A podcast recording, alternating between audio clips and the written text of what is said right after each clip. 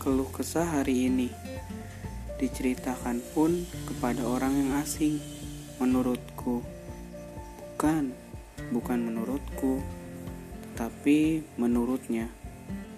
Hadirnya aku terlalu hening untuk semua keadaan. Keadaan yang semestinya berekspektasi baik, tapi patah oleh kenyataan yang fana. Jangan salahkan waktu Jangan marahi tempat. Kamu memang sedang berada di atas lintas itu.